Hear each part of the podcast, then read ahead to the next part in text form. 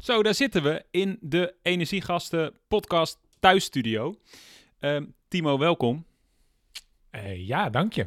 Eerste vraag voor jou. Uh, nou, laat ik meteen zeggen, ik ben hartstikke blij dat we weer samen een uitzending doen. Het is een tijdje geleden dat we een aflevering uh, samen hebben gemaakt. Daarom heb ik een vraag opgespaard de afgelopen tijd voor jou. Spannend. Stel, jij bent een dier. Ben je dan een leeuw, een aap of een vogel? Vogel. Nou, dat is duidelijk. Welkom bij de Energiegasten. In deze aflevering gaan wij in op de verkiezingen. Nou, heel simpel gezegd, we komen niet met een pasklaar stemadvies. Dat is helemaal niet het idee van deze aflevering. Maar we willen even uitzoomen, kijken wat ligt er nou onder jouw keuze. We gaan het eerst hebben over een experiment heb ik een beetje losjes gebaseerd op Matthijs Schouten. Misschien een bekende naam, ga ik zo wat meer over zeggen. En over een artikel in de correspondent wat ik daarover zag. Um, het heeft dit ermee te maken hoe je naar de natuur kijkt en wat dat te maken heeft met jouw voorkeur voor een politieke partij. Um, ik heb wat analyses erbij gepakt uh, over de verkiezingen van onder andere MVO Nederland. Daar gaan we induiken. En iets meer op de energietransitie toegespitst. Een, een, ja, misschien heb je daar al wel online iets van langs zien komen. Zo'n soort stemadvies van de NVDE. Dat staat voor... Nederlandse Vereniging van Duurzame Energie. Die hebben een analyse gemaakt op specifiek de energietransitie. Nou ja, daar moeten wij natuurlijk als energiegasten induiken. Dus die, uh, die drie dingen gaan we doen. Tussendoor nog een paar kleine dingetjes om je aan het denken te zetten. Of je keuze nou wel zoveel met je ratio te maken heeft of dat daar hele andere dingen meespelen. Uh, de glimlach van uh, de premier uh, of um, de kleur kleren die iemand aan heeft of misschien wel de plek waar je stemt. Nou, het schijnt allemaal invloed te hebben. Ik vroeg jou net. Stel je bent een dier, jij zegt vogel. Denk jij nou dat dat iets zegt over jouw politieke voorkeur? Nou, je wil het niet geloven. Nee. nou ja, hier, ik weet niet of het echt een heel significant onderzoek is geweest, maar er is in ieder geval uh, onderzoek gedaan bij de London School of Economics. Dat klinkt behoorlijk geloofwaardig. heb je een afdeling Electoral Psychology Observatory. Um, en daar hebben ze uitgevonden dat mensen die zich identificeren met een vogel eerder geneigd zijn om links te stemmen. Aha. En een aap en een leeuw, of een aap of een leeuw eerder rechts. Dus ja, het is toch wel interessant, want ik weet jou... Wat stem jij uh, vaak of wat stem je altijd? Mm, vaak D66. Nou, dat zou je toch wel met het verkiezingsprogramma wat ze hebben wel links kunnen noemen, toch? Ja, een beetje links van het midden, ja. Oftewel, het onderzoek klopt helemaal. Hey! Um, jij zegt, uh, dat is even voordat we de, het, uh, het experiment ingaan. Um, jij zegt, ik stem D66. Ben je actief ook in de politiek?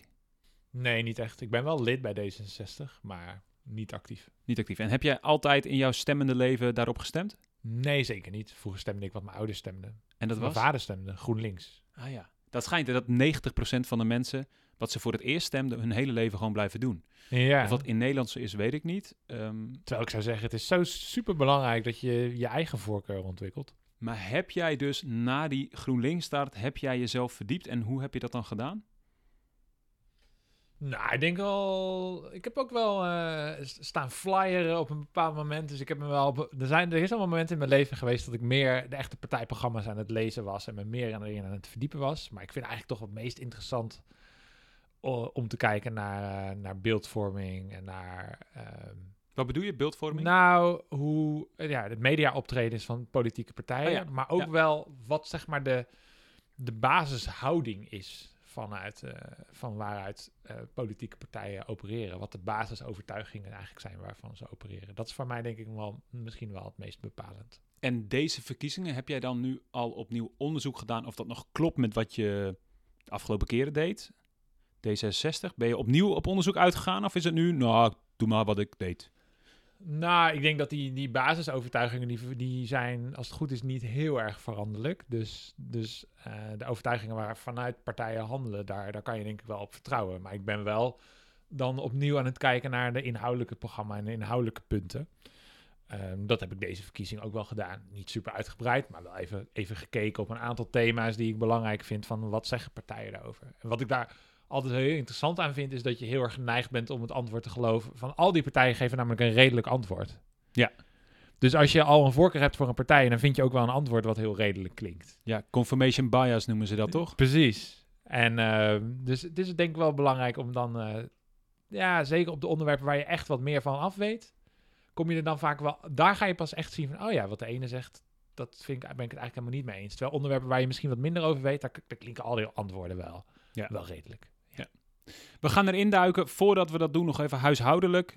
Uh, vorige aflevering hadden we Jelme Mommes te gast. Ik mocht drie exemplaren van zijn boek Hoe gaan we dit uitleggen? Mochten we weggeven. We hebben drie, uh, waar ligt het papiertje? Uh, we hebben drie... Met het papiertje met de winnaars bedoel ja, je? papiertje met de winnaars. Nou, hier, daar komt hij. We hebben drie personen eruit getrokken. Felix, Rutger en Kelly, jullie winnen het boek. Gefeliciteerd. En ik, je krijgt even een mail van ons, zodat we je adresgegevens hebben om het boek op te sturen. Veel leesplezier.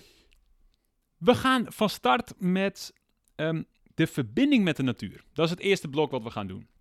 Matthijs Schouten, ik noem hem al, ecoloog en filosoof, uh, heeft ook in een tegenlicht aflevering gezeten. Uh, en hij houdt zich bezig met de relatie tussen mens en natuur. En ik ben ooit op een evenement uh, waar ik dagvoorzitter was, was hij een spreker. Ik introduceerde hem en hij vervolgens pakte die hele zaal in met een experiment. En ik zou, wat ik me daarvan kan herinneren, dat experiment met jou in het kort even willen doen. En voor als je nu in de auto zit of uh, thuis staat te koken, wat je kan doen met, doe het experiment vooral mee.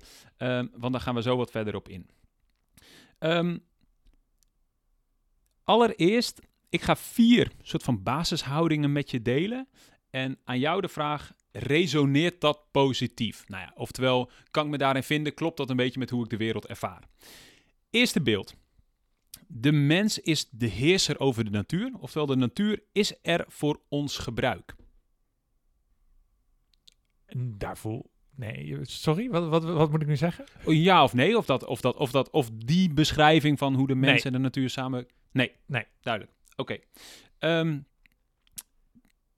ik zal meteen iets. Nou, laat ik eerst meteen doorgaan naar de tweede. Tweede is iets anders. Dat is meer het, het rentmeesterschap. Dus wij zijn als mens de hoeder, de rentmeester van de natuur van de aarde. Uh, resoneert dat? Nee. Oké. Okay. Derde. ik hoop dat er één tussen zit. Maar, maar niet uit, misschien zit er wel niks tussen. Zou kunnen. Dan heb jij gewoon geen relatie met je omgeving. um, de mens is een partner van de natuur. En de natuur is ook in zichzelf al waardevol. De mens is een partner van de natuur. Ja, dus, dus de mens is niet de baas over de natuur. We staan er niet gescheiden boven, maar we zijn ermee in interactie. Ja. Oké. Okay. Ja. Ja. Ik zou eerlijk zeggen, on, ik voel me meer onderdeel van de natuur dan... Wacht, komt-ie? Komt-ie, vierde. Vier. mens is onderdeel van de natuur. Je kan er niet los van staan. Het is echt één integraal geheel. Ja, ik denk dat het, ja, dat is wel hoe ik het zie. En ook al is het wel zo dat, het, uh, dat we steeds meer in staat zijn om, om de wetten van de natuur naar onze eigen hand te zetten. En ik denk dat dat echt uniek is.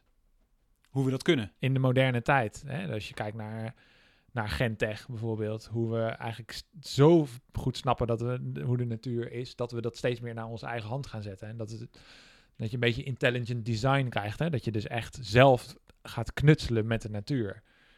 Maar uiteindelijk zullen we ons moeten houden aan de natuurwetten zoals, zoals die er zijn. En jij zegt dus eigenlijk dat vierde beeld, de mens is onderdeel van, dat resoneert bij jou het meest, meer dan die daarvoor, uh, die dat we een partner zijn. Dat, dat, dat, dat, of zit er een verschil in of is het allebei een beetje om het even? Uh, nee, dat is allebei een beetje om het even. Oké, okay. nou, deze vier beelden, die, uh, die nam uh, Matthijs Schouten toen met die hele zaal door. En je moest je hand opsteken als het, als het positief resoneren, zoals hij dan zei. ik heb ongetwijfeld wat kort door de bocht dingen gemaakt en hier en daar wat afslagen anders genomen. Maar dit was wel de, de basis van zijn experiment. En um, wat hij daar eigenlijk later over zei, is dat, dat dat eerste beeld, dat is echt uniek aan de westerse wereld. Dat vind je nergens anders en dat is de westerse houding ten opzichte van de natuur, namelijk de heerschappij over de natuur. Um, dus een antropocentrisch wereldbeeld noemen ze het ook wel. De mens staat centraal. En dat heeft zijn, zijn, zijn begin eigenlijk gehad in de Aristoteles-tijd. Waarin je zo'n ladder hebt, misschien heb je het ooit gezien. Waarin aan, onderaan de ladder zitten zeg maar de mineralen, de, de stenen en zulke soort dingen. Um, en dat is eigenlijk van ondergeschikt belang. Dat mogen wij gewoon gebruiken. Als je verder omhoog gaat op die ladder, krijg je lage planten, mossen, zulke soort dingen, hogere planten. Eh, je krijgt vissen, vogels, dieren. En vervolgens bovenaan, je raadt het al. De mens. Precies. Dus, dus het is allemaal gericht op de mens en de mens mag alles gebruiken. Nou ja, eh, het tweede beeld, dat is iets meer vanuit, eh, of iets meer, dat is eigenlijk vanuit bijvoorbeeld islam en het jodendom zit dat ook veel in. Ehm, dat, dat gaat over het rentmeesterschap, dus heeft een gelovig eh, stuk Mhm. daar ook in zitten. Ehm, en het derde beeld, dat zie je bijvoorbeeld in, in, in veel, vroegere, veel vroege culturen, waarin er ook weer leven komt in, nou ja, wat bij zeg maar, de westerse cultuur vaak dood, als dood gezien wordt. Eh, materie heeft geen ziel, dus dieren, ja, die mogen we gewoon gebruiken. Nou, Mhm. bij de mens als partner van de natuur is dat weer wat anders. En het laatste, dus de mens is onderdeel van, van het geheel, dat zie je eh, met name in Azië. Nou, dat is een beetje achtergrond daarover. En dat experiment, eh, daarvan zei hij ook dat het, dat het, ja, dat heeft natuurlijk wortels. Waar komt dat vandaan? Heeft te maken met je persoonlijke geschiedenis. Dus ook ben je bij een bos opgegroeid of niet? Was je gewend om de natuur in te gaan? Maar ook met je culturele context. Dus eh, je ouders, instituten, media, hoe wordt er over natuur gesproken? Religie is dus ook heel belangrijk daarin. Sowieso. Ja. Ja. super interessant. En daar zie je dat ook in die zaal, dat gewoon ook qua generatie ook wel een verschuiving ziet. Dus veel oudere mensen zaten vaker op dat spoor van rentmeesterschap. eh, ook nog wel op dat eerste beeld, zeg maar, de westerse houding. En hoe jonger mensen werden, zag je vaker eh, dat het wat meer ging naar partner van de natuur of onderdeel van. Ja, misschien is het ergens ook gewoon een tijdsgeest die aan het veranderen is. Zou kunnen. Ehm, wat in ieder geval boeiend is, en dat is ook waarom het in deze podcast ook denk interessant is om als startpunt te pakken over de verkiezingen. Ehm, een stuk van, eh, van Thomas Oudman op de correspondent. Super interessant, dus zullen hem ook wel even in de show notes zetten. Kun je hem eh, nalezen. Ehm, hij heeft gekeken bij alle politieke partijen hoe dat bij die politieke partijen nu zit. Welk wereldbeeld, welk, welk nee, zeg niet goed, welk, eh, welk eh, mens-natuurrelatiebeeld Ja, welke er- basisovertuiging. eh, ja. Exact, zitten onder die, in die programma's verweven. Dus Ja. hij heeft al die verkiezingsprogramma's uitgeplozen en hij heeft daar zo'n soort van beeld van gemaakt. En voor de duidelijkheid, het kan dus ook zijn dat sommige partijen meerdere beelden hebben. Hij noemt de beelden nog, hij heeft nog één beeld toegevoegd, namelijk eh, de- iets van dierenvrienden. De mens is een dierenvriend. Eh, daar zijn namelijk ook wat partijen die daar echt op, op zitten. Bijvoorbeeld PVV eh, had hij het over dat die veel voor honden en zo willen doen. Ehm, maar die, die basisbeelden van Matthijs Schouten zitten er ook doorheen. Nou, misschien een klein gokje voor jou. Eh mens is gebruiker van de natuur. Welke partijen denk je dat daar, eh, daarin zitten? Gebruiker van de natuur. Ja, dus echt dat, dat, dat de mens, ja, dat toch een beetje dat westerse Maar, houding. De mens is de heerser over de natuur. Een VVD bijvoorbeeld? Ja, ja, Zou ik zit erin. Ja. En wel interessant, PvdA en Denk zaten ook in die, eh, in die cirkel. Ja. Ehm, hoeder van de natuur, dus meer dat rentmeesterschap. Nou, dat is een Ja, dat beetje is een open deur misschien. Christelijk lijkt me, toch? Ja, alle Echt. drie de christelijke partijen. Precies. CDA, SGP, ChristenUnie en nog eentje. Ik noemde hem net al even als dierenvriend. PVV ook. Ja, PVV heeft daar ook, eh, zat ook in die cirkel. Ik weet het, de precieze details zou je echt het artikel even moeten checken, want we gaan ook niet het artikel nalezen nu. Maar PVV zat er ook bij. Ehm, en dan natuur waardevol in zichzelf. Dus echt dat, eh, dat, dat partnerschap met de natuur. Welke partijen denk je die daar eh, zitten? Partij van de Dieren lijkt me de natuur in zichzelf wel. Niet? Ja, ik weet eerlijk gezegd niet. Die zaten misschien daar ook wel in, maar die komen nog. Oké.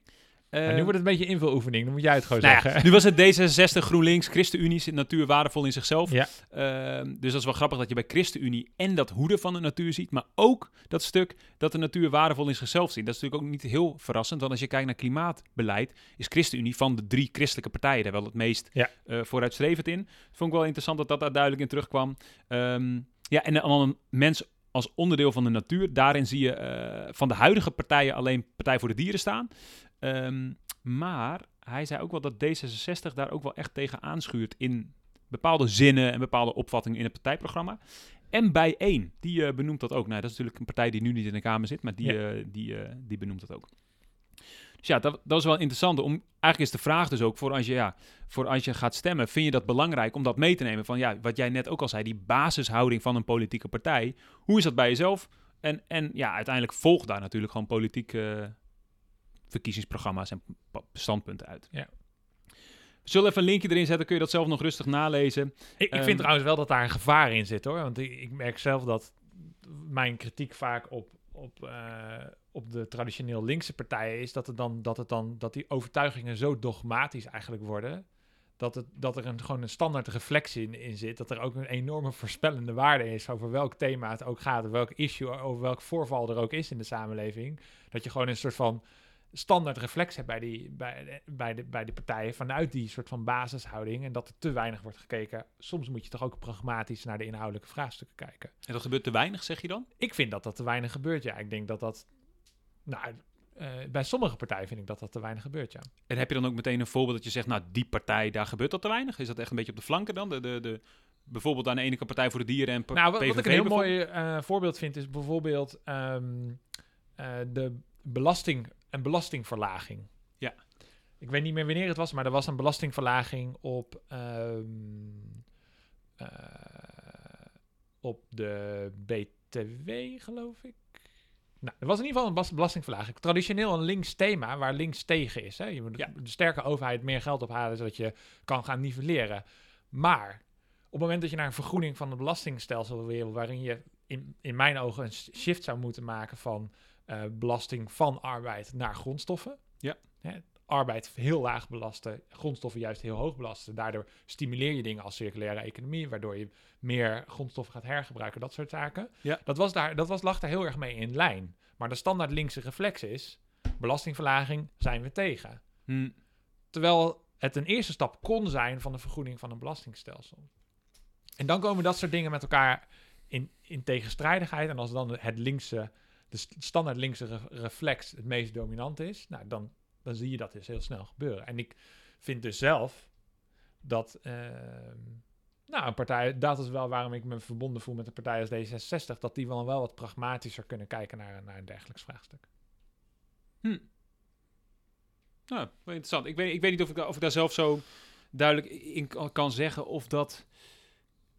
Ja, of, ik weet het niet. Ik, ik merk dat ik die basis in ieder geval van hoe kijkt een partij naar de wereld, wat voor basisovertuiging zit daaronder. Ik ga er wel vanuit dat een partij dan ook afwegingen kan maken eh, om soms ook te zeggen, nou voor het grotere goed is dat alsnog goed. Want ja, uiteindelijk kan elke partij kan niet in zijn eentje regeren. Dus je zult altijd zulke dingen moeten doen. Nou ja.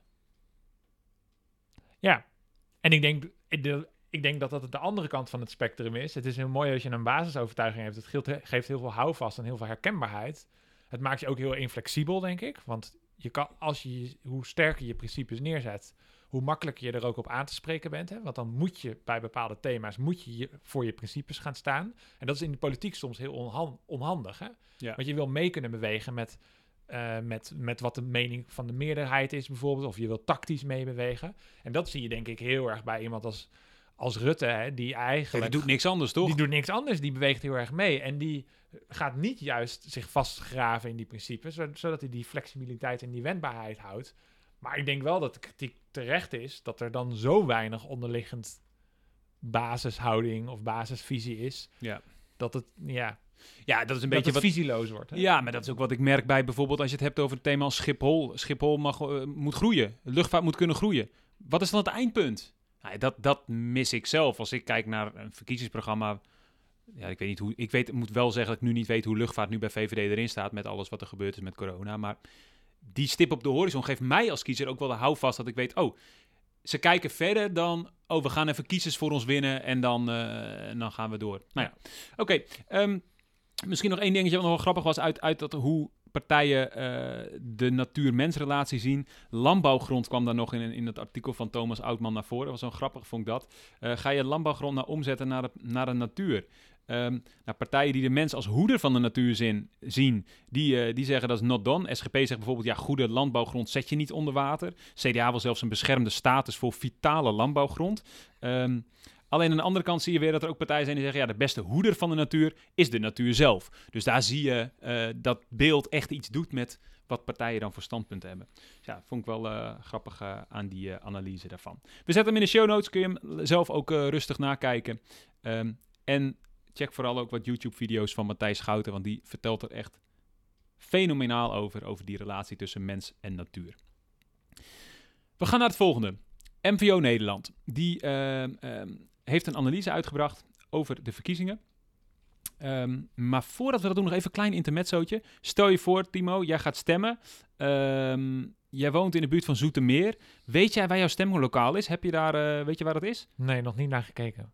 Stel je voor hè, dat jij in een kerk of in een schoolgebouw eh, gaat stemmen. Denk je dat dat invloed heeft op jouw keuze? Ja, natuurlijk. Wat zou de invloed zijn volgens jou? Eh, Beetje psychologie van de koude grond hier. ja, ik denk dat je toch voor eh, verstedelijking kiest. nou, het, het schijnt dat je dan eerder kiest voor het gemeenschappelijke belang. kerk, In een school, schoolgebouw. ah, ja, ja, ja. ja. En thuisstemmen daarentegen zou eerder voor egoïsme zorgen. Nou, en nu is natuurlijk met de eh, kwetsbare groepen die ook met Ja. de post mogen stemmen, zou je bijna kunnen denken dat misschien wel een 50 plus, ja, dat heeft, ik, dat heeft al iets weg van, ja, kies gewoon voor mezelf, want ik ben 50 plus. Weet je, de volgende generatie En zoekt dan er maar uit. als je ze dan de mogelijkheid ge- geeft Ja. om vanuit huis te stemmen. Dus, Dus, bij deze doe ik een voorspelling. Ehm, de, de, de laatste peilingen keer 2 voor 50 plus. we gaan het zien. Ehm, Oké, we gaan naar de MVO Nederland analyse. Ze hebben daar zeven thema's van de nieuwe economie, zoals zij dat noemen, gepakt. Ehm, duurzaam ondernemen, maatschappelijk verantwoord ondernemen. Ze hebben daar alle partijprogramma's naast elkaar gelegd. eh, en een score gegeven op eh, onderwerpen, thema's zoals eh, de algemene duurzame ambitie, eh, biodiversiteit, echte prijzen. De, de, ontwikkeling dat je betaalt voor wat het product daadwerkelijk in de hele keten eh eh, voordat je hem gebruikt en nadat je het gebruikt eh, gekost heeft. De circulaire economie, nou ja, zulke soort thema's zitten daarin. En daar hebben ze geanalyseerd, hey, welke partijen scoren nou goed. Ik heb het even doorgenomen. Ehm, en misschien best wel voor de hand liggend. Je ziet partijen als nou, bijvoorbeeld de D66, eh, Partij voor de Dieren en GroenLinks. Die, daar zie je eh, dat die daar best wel goed uit wegkomen. Die dat bijna overal zeg maar, maximale punten scoren. Net daaronder, en dat, dat vond ik wel eh, opvallend, eh ChristenUnie, nou, ook misschien nog wel logisch. Alleen PvdA staat er ook echt net onder. Dus die deed het ook best wel goed in die, in die, in die score die MVO Nederland daarop gaf. Alleen SP juist heel laag. Mhm. Vond ik opvallend. Ik weet niet hoe je, als jij dat zo hoort, als jij zo dat. Nee, dat niet, verbaast mij niet zo. Waarom jou niet? Zij kregen bijvoorbeeld op duurzame ambitie één ster, groene energie één ster, van de vijf sterren voor de duidelijkheid. Eh, maar ja, dan wel meer punten op solidariteit en gelijke kansen, wat ook twee thema's waren. Waarom verbaast jou dat niet dat PvdA daar echt een stuk beter uitkwam dan SP? Omdat ik SP eh, als een eh, conservatieve partij zie en die andere partijen veel meer als progressieve partijen. Hm. Toch veel meer een hang naar het, naar het oude. Het is wel interessant, want ik merk dus door zo'n analyse, en, en ik, ik heb me daar echt niet super uitgebreid in verdiept, dan moet, dan moet ik wel eerlijk erbij zeggen. Alleen soms begint het bij mij een beetje te duizelen. Want wat ik wel heb gedaan, ik vond namelijk opvallend dat ik dacht, hé, hey, hoe zit dat dan? Wat ik gedaan heb, is dat ik de CPB-doorrekeningen bij heb gepakt, eh, waarin doorgerekend wordt van elk partijprogramma, hé, hey, wat betekent dit nou voor de cijfers? Vervolgens zie je daarin dat bijvoorbeeld op klimaat en milieu de uitgaven voor de SP bijna 7 miljard ten opzichte van de basislijn van nu eh, uitkomen. En bij Partij van de Arbeid maar iets minder dan 2 miljard erbij. Hmm. Dus dan denk ik, hey, hoe zit dat nou? Dat hier vanuit een analyse SP er best wel beroerd uitkomt en Partij van de Arbeid echt een stuk beter. Ik heb het antwoord niet. Ik ook niet. Ehm, maar ik vond het wel opvallend. En voor mij laat het ook maar zien dat, dat we zeggen voor de gein doe ik een beetje van die, van die dingen ertussendoor van een kerk en een schoolgebouw. Maar ergens heb ik, ja, met die verkiezingen, hoe meer ik me er wel in verdiep, hoe meer ik me afvraag in hoeverre überhaupt de hele ratio echt een rol speelt in dit hele verhaal. Ja, tuurlijk. Ik bedoel, verkiezingen gaan uiteindelijk over poppetjes, gezichten. En ehm, eh, ik denk dat dat Dat wordt alleen maar meer, toch? Ja, er wordt alleen maar meer. En, en, en natuurlijk is dat ergens is dat, dat zonde omdat je wil dat het over de inhoud gaat. Maar volgens mij zijn ook die basishoudingen zijn toch wel belangrijke zaken. Dat zijn toch de, de, de, de bouwstenen van iemands beslissing. En Ja. ik denk dat, dat mensen prima in staat zijn om zich te kunnen verplaatsen in zo'n persoon. Je daarmee te kunnen identificeren of niet. En dat je aanvoelt of zo iemand nou, vanuit dezelfde basis of vanuit dezelfde principes eh, keuzes maakt. En of dat overeenkomt met, met hoe jij ze zou willen zien. En dat komt trouwens voor de duidelijkheid wel overeen. Want je ziet wel dus dat eh, bijvoorbeeld de GroenLinks Partij voor de Dieren en D66 bijvoorbeeld wel heel erg in lijn met dat, dat artikel van, van de correspondent. En deze analyse zit dat wel weer in één lijn. Alleen ja, PvdA, SP vond ik wel opvallend. Dus mocht je toevallig luisteren en mocht je zeggen van... hé, hey, ik weet precies hoe dat komt. Laat het gerust weten. Eh, check even energiegasten.nl, dan kun je ons een berichtje sturen. En dan horen we dat graag. We gaan naar eh, het andere ehm, eh, onderzoek. Namelijk het overzicht van de Nederlandse Vereniging voor Duurzame Energie.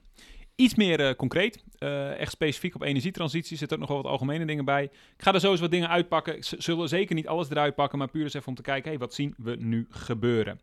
Nou ja, allereerst, ehm, de, in het algemeen zie je dat de klimaatwet bijvoorbeeld genoemd wordt door een Partij voor de Dieren, Klimaatfonds, GroenLinks, eh, energievoorziening in publieke handen, SP, eh, een lastenverschuiving naar de vervuiler betaald bij heel veel partijen. Dus je ziet dat heel veel partijen hier echt heel erg mee bezig zijn.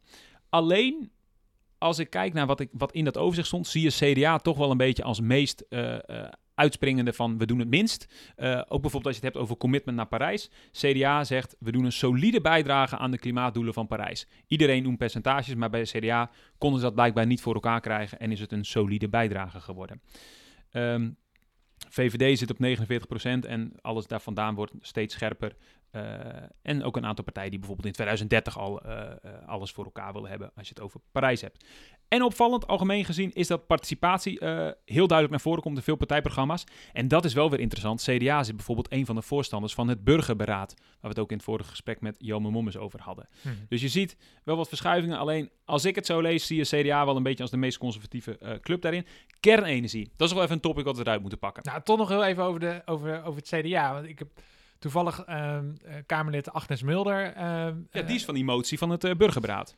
Precies, en zij zit juist heel erg wel bezig met duurzame energie vanuit die participatiegrond. Van oké, dan moet je, je hebt ook zoiets als um, de energiedemocratie. Hè? En dat is volgens mij de. Wat is dat, de energiedemocratie? Nou, dat je eigenlijk zegt van kijk, nu is, is de macht van energie is in handen van maar heel, heel globaal gezien bij de, bij de oliestaten, maar ook binnen het, binnen het Nederlandse energiesysteem. Als je kijkt naar hoe ons elektriciteitssysteem is opge opge opgebouwd, is ook heel centralistisch. Hè? Het is heel erg... Zelfs veel Europese of wereldwijde partijen al die dat in handen hebben. Ja, dus het is, het is, je bent heel erg afhankelijk van wat, iets, wat toch echt een basisbehoefte is. En het mooie van duurzame energie is dat het energie democratiseert. Ja. Zonne-energie is overal, dus iedereen heeft er toegang toe. Dus je wordt minder afhankelijk daarin van... van ja, politiek afhankelijk of financieel-economisch uh, afhankelijk. En dat is volgens mij de insteek die past bij het CDA. Ja. En, en kun je dan, als jij toch dan een beetje zo van een afstandje, ik weet niet hoe goed je daarin zit hoor, maar kun je dan ook, ja, is het dan gewoon de, de, conservatieve tak van het CDA, waardoor daar niet, ja, zij, zij zijn geen klimaatpartij. zeg maar, als je kijkt naar de ambities, die, wat ik net zei, zij, ze, ze hebben geen expliciete ambitie. Mm uh, laatst zat ik nog te kijken uh, uh, naar op één waar Wopke Hoekstra ook aan tafel zat. En dan merk je gewoon, ja, die, die redt het in zo'n discussie niet als het over klimaat gaat. Kun je daar dan ook een verklaring voor geven? Want het zit er wel heel dus op, erg op dat topic van participatie, mhm. energiedemocratie. Mm -hmm. Maar tegelijkertijd missen ze, wat mij betreft, de stip op de horizon. En is er geen haar in mijn hoofd die denkt, ja, CDA stemmen. Mm. Of hebben ze gewoon geluk met Agnes Mulder? Dat er in ieder geval nog uh, een beetje geluid binnen het CDA is voor... Uh... Ja, ik vind Agnes Mulder wel de, de, de het positieve geluid uh, binnen het CDA, wat mij betreft. Kijk, dit is, het komt wel heel erg, wordt wel heel erg een persoonlijke mening. Maar als ik kijk naar het CDA en als ik kijk naar bijvoorbeeld een, een ChristenUnie, dan heb... En dit is een... een ik, ik realiseer me dat dit hard klinkt, maar dat mag misschien wel even. Uh, ja, mag. Dan, dan denk ik, zo'n ChristenUnie, die, we hebben het net gehad over principes en hoe belangrijk die zijn. Die christelijke basisprincipes, die worden door de ChristenUnie, of je er nou wel of niet mee eens bent, op een consequente manier toegepast in de manier waarop ze hun politiek bedrijven. Mijn kritiek op het CDA is, is dat het pretendeert een christelijke principiële ondergrond te hebben, maar dat het eigenlijk vrij populistische partij is, die gewoon heel erg per topic naar de achterban kijkt. Wat is hun belang en hoe zitten hmm. we daarin? En dat die principes worden gebruikt op het moment dat ze uitkomen. Ja. Dan toch even naar kernenergie.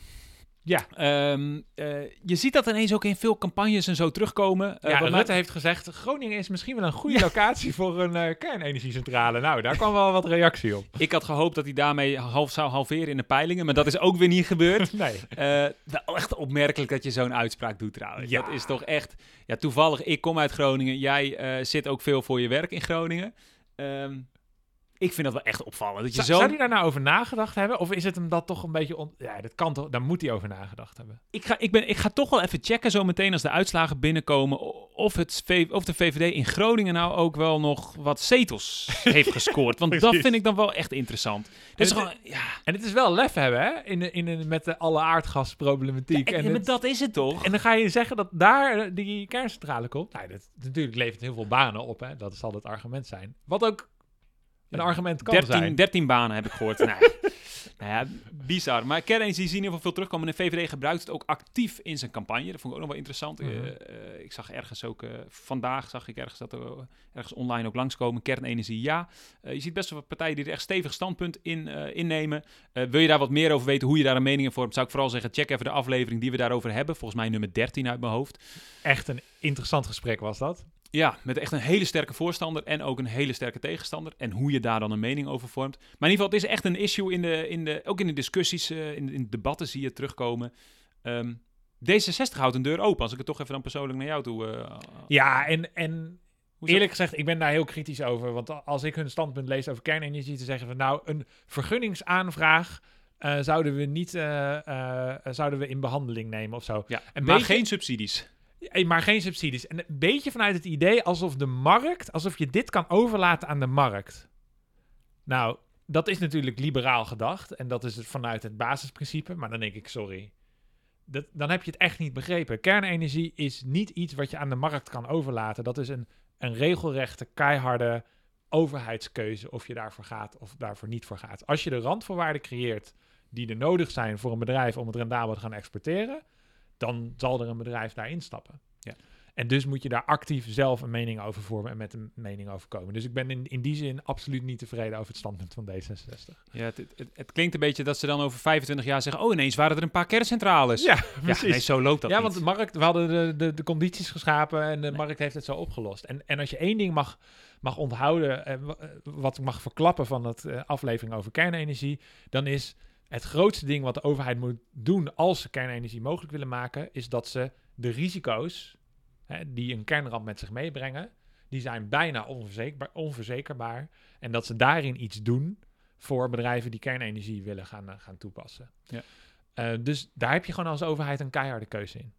In, de, in, de, in het overzicht van de NVDA zie je dat CDA en VVD voor kernenergie zijn. Ik weet niet wat ze expliciet over dit, eh, dit zeggen, wat jij nu aangeeft, over die, over die garanties vanuit een overheid, die verzekering. Eh, andere partijen die, eh, die, zijn er, die zijn er tegen, die in dat overzicht staan in ieder geval. Dus zijn de zittende partijen.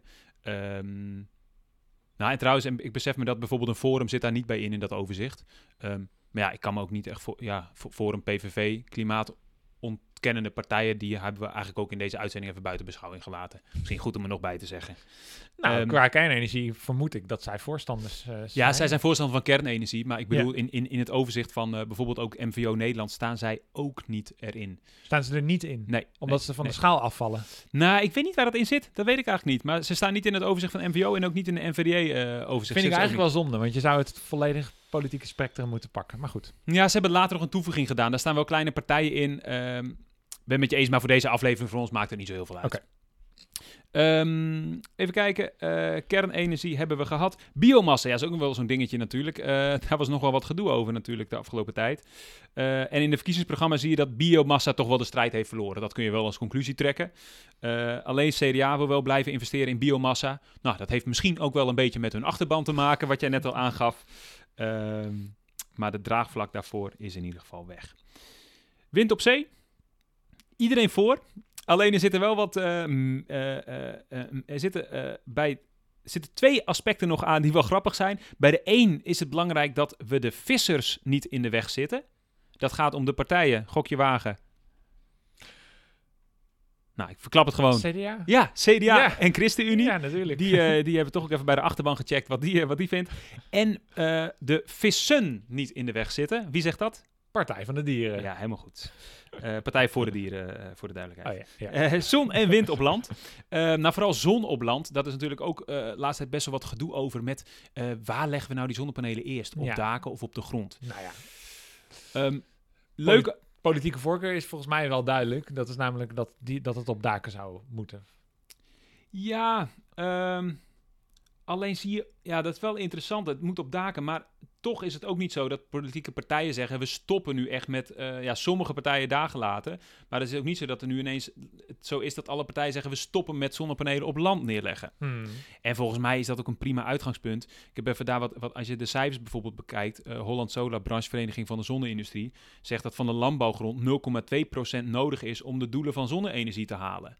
Nou ja, tuurlijk zijn er, eh, zijn er redenen om slim met die ruimte om te gaan. Alleen ja, om eerst te zeggen, we gaan land nu niet volleggen, eh, of niet zonnepanelen op land neerleggen. Je zit een beetje vragend aan. Ja, Wat wil je... ik, ik zit je aan te kijken en denk, nou ja, ik spreek veel boeren en al die boeren krijgen iedere week een projectontwikkelaar over de vloer die een enorme eh, zonneveld op hun landbouwgrond eh, wil gaan, gaan, gaan neerleggen. Ja. Ehm, dat is gewoon de, de dagelijkse realiteit. Als we dit loslaten aan de markt, dan is het de netwerkbeheerder die gaat bepalen hoeveel Nederland komt te liggen met zonnepanelen. Want dat is nu de bottleneck. Als, het, als het aangesloten kan worden op het elektriciteitsnet, dan is er altijd een projectontwikkelaar die een veld wil gaan neerleggen. Nee. En ehm, wat ik heel vreemd vind, is dat we eh, wel dat we meer subsidie geven aan eh, opstellingen op het, eh, zeg maar grote opstellingen op akkers, dan aan opstellingen op daken. Ja, nou ja, En daar kan ik, daar, daar kan ik met mijn hoofd niet bij. Dit is interessant, want het is uiteindelijk is het een politieke keuze welke kant je op gaat. Alleen wat, wat je hier in de verkiezingsprogramma's terugziet, is dat je.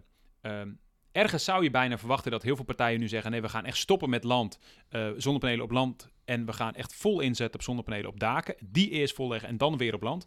Die keuze wordt niet gemaakt. Eh, en dat is denk ik een goede ontwikkeling, omdat er ander werk te doen is. En dat is namelijk wat jij nu aangeeft, is dat je duidelijkheid moet scheppen in hoe zijn de randvoorwaarden. En heel simpel, als het lonender is om zonnepanelen op daken neer te leggen, op een groot distributiecentrum, dan op het weiland ernaast, dan gaat dat gebeuren.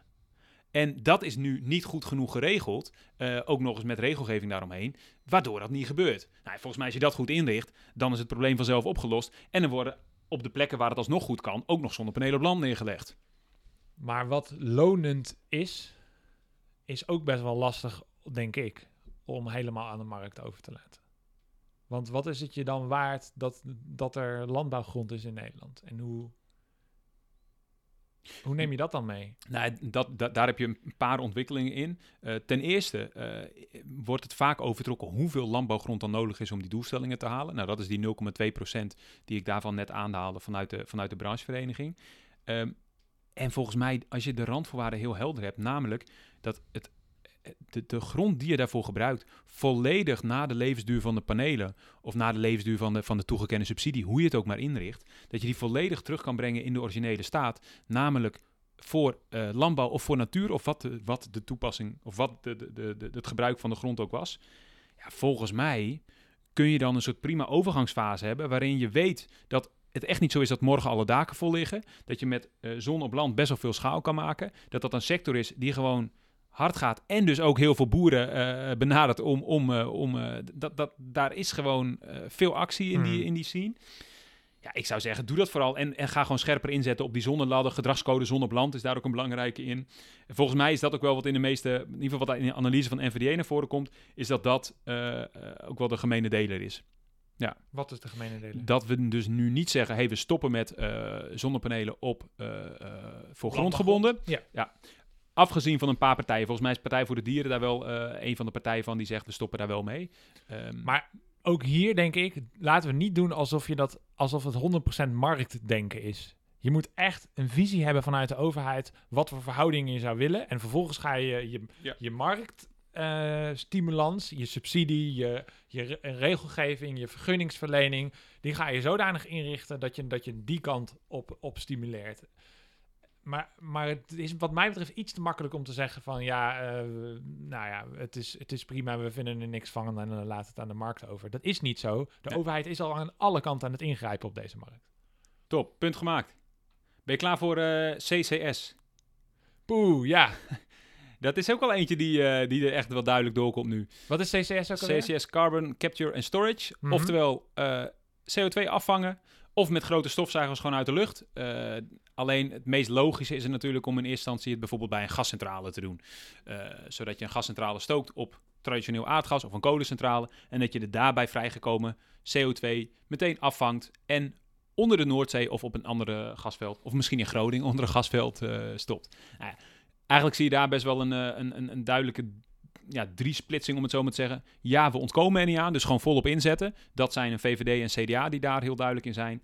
Tijdelijke oplossing zit meer een beetje bijvoorbeeld een PvdA en ChristenUnie eh, bij. En nee, doen we niet. Dat is eh, Partij voor de Dieren die dat, eh, die dat zegt.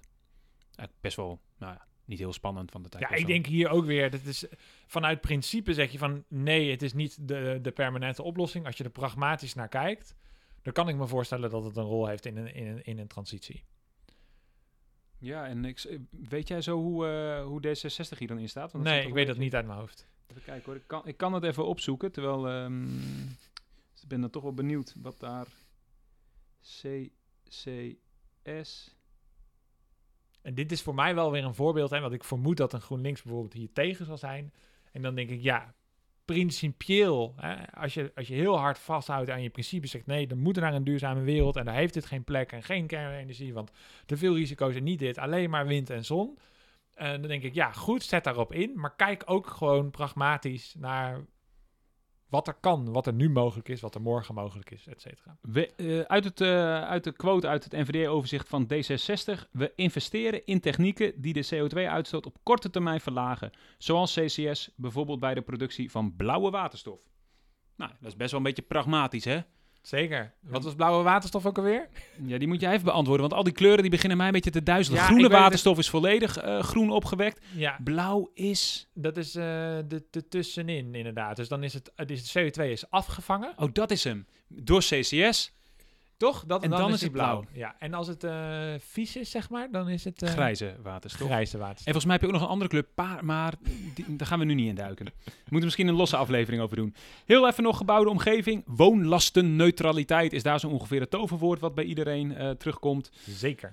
Ehm, oh ja, even het leukste vond ik nog wel dat het voorstel van een bepaalde partij, jij mag even raden wie, om een nationale, om nationale isolatiebrigades in te zetten.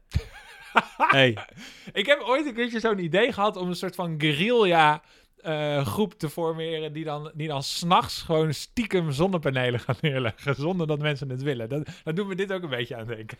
dit, eh, dit eh, doet er zeker aan denken. Dit is van de ChristenUnie, het isolatie-evangelie. Ah, Nou, dat is toch prachtig. We heel moesten we mooi. even genoemd hebben. Ja. Ehm, Maar zonder gekheid, enorm belangrijk, hè, die gebouwde omgeving. En het gaat sowieso veel te langzaam op dit moment. En ook daar is, denk ik, ja, kan je ook niet 100% aan de, aan de markt overlaten. Moet je als overheid veel aan doen om ervoor te zorgen dat dat op gang komt. Ehm, we gaan hem zo afronden. Ehm, we hebben eh, niet de nieuwe partijen heel erg hier uitgelicht. Het is ook niet ons doel om een volledig overzicht te geven voor de duidelijkheid. Maar bijvoorbeeld Volt komt ook in het overzicht ook nog langs. Is ook wel, is ook een beetje pragmatische pro-Europa. Een beetje, zit jij nog te twijfelen om naar Volt te gaan of niet? Want daar zie je ook Nou, ik vind het idee heel charmant dat je dus een Europese partij eh, eh, opzet, omdat ik heel erg geloof dat zeker in de nieuwe geopolitiek, waarin je de machtsblokken van China en de VS hebt, dat je echt als één Europa moet optreden en als Europa de, de, de problemen moet oplossen die we hebben. Dus dat vind ik heel erg sympathiek. Maar twijfel voor jou? Ja, want eh, de versplintering in de Nederlandse politiek is volgens mij niet per se iets waar ik eh, voor sta. Ik vind eh, de, de deelnemers binnen Volt allemaal nog vrij onervaren, als ik het zo Dus op voor het jou geen twijfel? ik ga er nog even naar kijken. Oké. Maar Ehm, Peter, ik ben heel eerlijk geweest over wat, eh, hoe mijn politieke voorkeur eruit ziet. Hoe ziet jouw politieke voorkeur eruit? Nou, voor mij is het... eh, ik denk dat het voor mij Partij voor de Dieren wordt. Ja. Ja, en voor mij heeft dat met name te maken met een heel duidelijk toekomstbeeld. Soms denk ik wel eens, nou, dat, dat, is, dat gaat best wel ver. En tegelijkertijd denk ik, ja, is dat niet gewoon wat we echt nodig hebben? Eh, en die basis daarvan, hoe is onze verhouding met de natuur? Dat vind ik heel interessant daaraan. Eh, een soort visie op hoe, hoe zien we een wereld voor, in, voor ons waar het niet meer gaat om groei, maar waarin we blij zijn met wat we hebben en de relatie met de natuur zien als een soort, ja, we zijn er onderdeel van. Schone lucht heb ik nodig. Mhm. Eten heb, ja. Dus voor mij wordt het waarschijnlijk Partij voor de Dieren. Ehm, ja, en eh, ik was wel grappig was, ik had het daar laatst met, eh, met eh, mijn zus over en die eh, ehm, zei, ja, in een kieswijze kwam voor mij dat er ook uit, maar ik ga toch op, eh, op Sigrid Kaag stemmen. Niet op een partij, maar op een persoon. Ja, dat is ook alweer die personificatie. En toen, Ja. da- toen dacht ik nog wel even, hé, hey, maar dat is ook wel interessant. Want als ik kijk naar, hey, wie zou de volgende premier kunnen zijn die wel echt een, een verandering gaat brengen waarvan ik voel, hé, hey, dat is wel echt een richting die de goede Ja. kant op gaat. Hier, ik zie ook wel dat Partij voor de Dieren geen premier gaat leveren. Nee. Maar als je dan toch kijkt, ja, dan zou ik wel Sigrid Kaag als premier super interessant vinden. Ja. Alleen ik ga er niet op stemmen. Maar dan ben ik nog wel weer complimenten voor het campagneteam van D66. Want het is natuurlijk ontzettend onwaarschijnlijk dat D66 de premier mag leveren. Maar Sigrid Kaag, in de beeldvorming. Ja, supergoed Abso- toch? Absoluut premierwaardig. Ehm, nog even één tip voor, als, eh, voor de afsluiter. Eh, die verkiezingsprogramma's en ook ja, hoe wij een beetje hierover zitten te filosoferen. is allemaal leuk en aardig natuurlijk. Maar uiteindelijk gaat het ook, er ook om hoe stemmen de partijen nou uiteindelijk. Dat is natuurlijk niet iets wat je in de toekomst kunt weten. Maar wel waar je op terug kunt kijken van de afgelopen periode. Het is makkelijk om belo- nieuwe beloftes te doen natuurlijk. Precies, precies. En, en wat wel grappig is dat er een site daarvoor is, kiesklimaat.nl. dat is volgens mij ook een initiatief waar onder andere Greenpeace en zo ook achter zitten. Maar dat weet ik niet helemaal zeker, dus zal ik niet te veel uitspraak over doen. Maar check even kiesklimaat.nl. Daar kun je het stemgedrag van de partijen zien en hebben ze het in een overzichtje gezet met ja, energielabels komen daar dan uit. Ehm, maar goed om te weten, Jelme Mommes, gast bij de vorige eh, editie. eh, Vriend van de show. ja, zouden we kunnen zeggen. Eh, die zegt wel de disclaimer erbij dat als er tegen klimaatbeleid is opgenomen in die, in die, in die, in die, in die kiesklimaatsite, dan hoeft dat niet per se ook slecht voor het klimaat te zijn. Dus Er blijkbaar... kunnen ook andere gronden zijn waarom een partij dan bijvoorbeeld tegen een motie stemt. Ja, Ja. ja. dus eh, dat is goed om je nog eh, te beseffen. Wat wel opvallend is, is dat Denk en 50PLUS daar best wel lekker uitkomen in, die, eh, in dat overzicht. Eh, D66 niet zo. Hmm, Ehm, misschien omdat ze in de regering zaten. Dat is wel een interessante, hè? Dat zou goed kunnen. Dit was hem. Mocht je nog denken, 37 partijen uit te kiezen, niet te doen. Barry Swartz, dat is een eh, schrijver van het boek Paradox of Choice, die, eh, eh, die zegt daar nog over, ja, je hebt twee categorieën mensen. Je hebt de satisficers en de maximizers. En de maximizers, die zijn perfectionistisch. Die willen het maximale eruit halen. Dus die gaan elk verkiezingsprogramma uitpluizen. Die willen de allerbeste keuze maken. Maar achteraf zijn die vaak ook het minst gelukkig. Want het had altijd beter gekund, spijt, twijfel, etc. Oftewel, hij zegt, als je mee wil nemen dat je ook nog een beetje gelukkig uit de verkiezingen kan komen, dan kun je misschien beter een satisfizer, satisfizer zijn. En wat je dan kunt doen, is bijvoorbeeld een goed geïnformeerde bron een soort voorselectie laten maken. Eh, bel iemand op die in je vriendenkring eh, veel met politiek bezig is. Zeg eens, hey, dit zijn mijn belangrijkste dingen. En vraag diegene, welke drie partijen stel je voor? Dan ga ik daar een keuze in maken. Nou, die, Of, die aanpak raadt hij aan. Ja, en daar zijn wij de bron in, toch? Wij, zijn, Ja. wij, en wij hebben ook een soort van voorselectie En welke drie partijen raad jij dan aan? Ah, ja, inderdaad. Dat is inderdaad wel een goeie. Ehm, nee, daar ga ik me echt niet aan wagen, Peter. Ik ook niet. Check gewoon lekker de show notes. Check al die links. En ik zou zeggen, check vooral ook het artikel eh, van de correspondent. Ga eens voor jezelf na. Hey, wat is mijn relatie? Eh, hoe kijk ik naar de relatie tussen mens en natuur? Super fascinerend startpunt. Omdat je dat niet alleen voor de komende vier jaar hoeft mee te nemen, maar dat het ook gewoon wat richting geeft in je leven. Dat is ook wel eens lekker. Thanks voor het luisteren. Ehm, volgende editie. ehm, geen flauw idee waar dat over gaat. Heb je tips? Laat het weten via energiegasten.nl. Thanks voor het luisteren en tot de volgende. Toedeloe. Nee, ik vond het wel lekker gaan. Toch? Ja?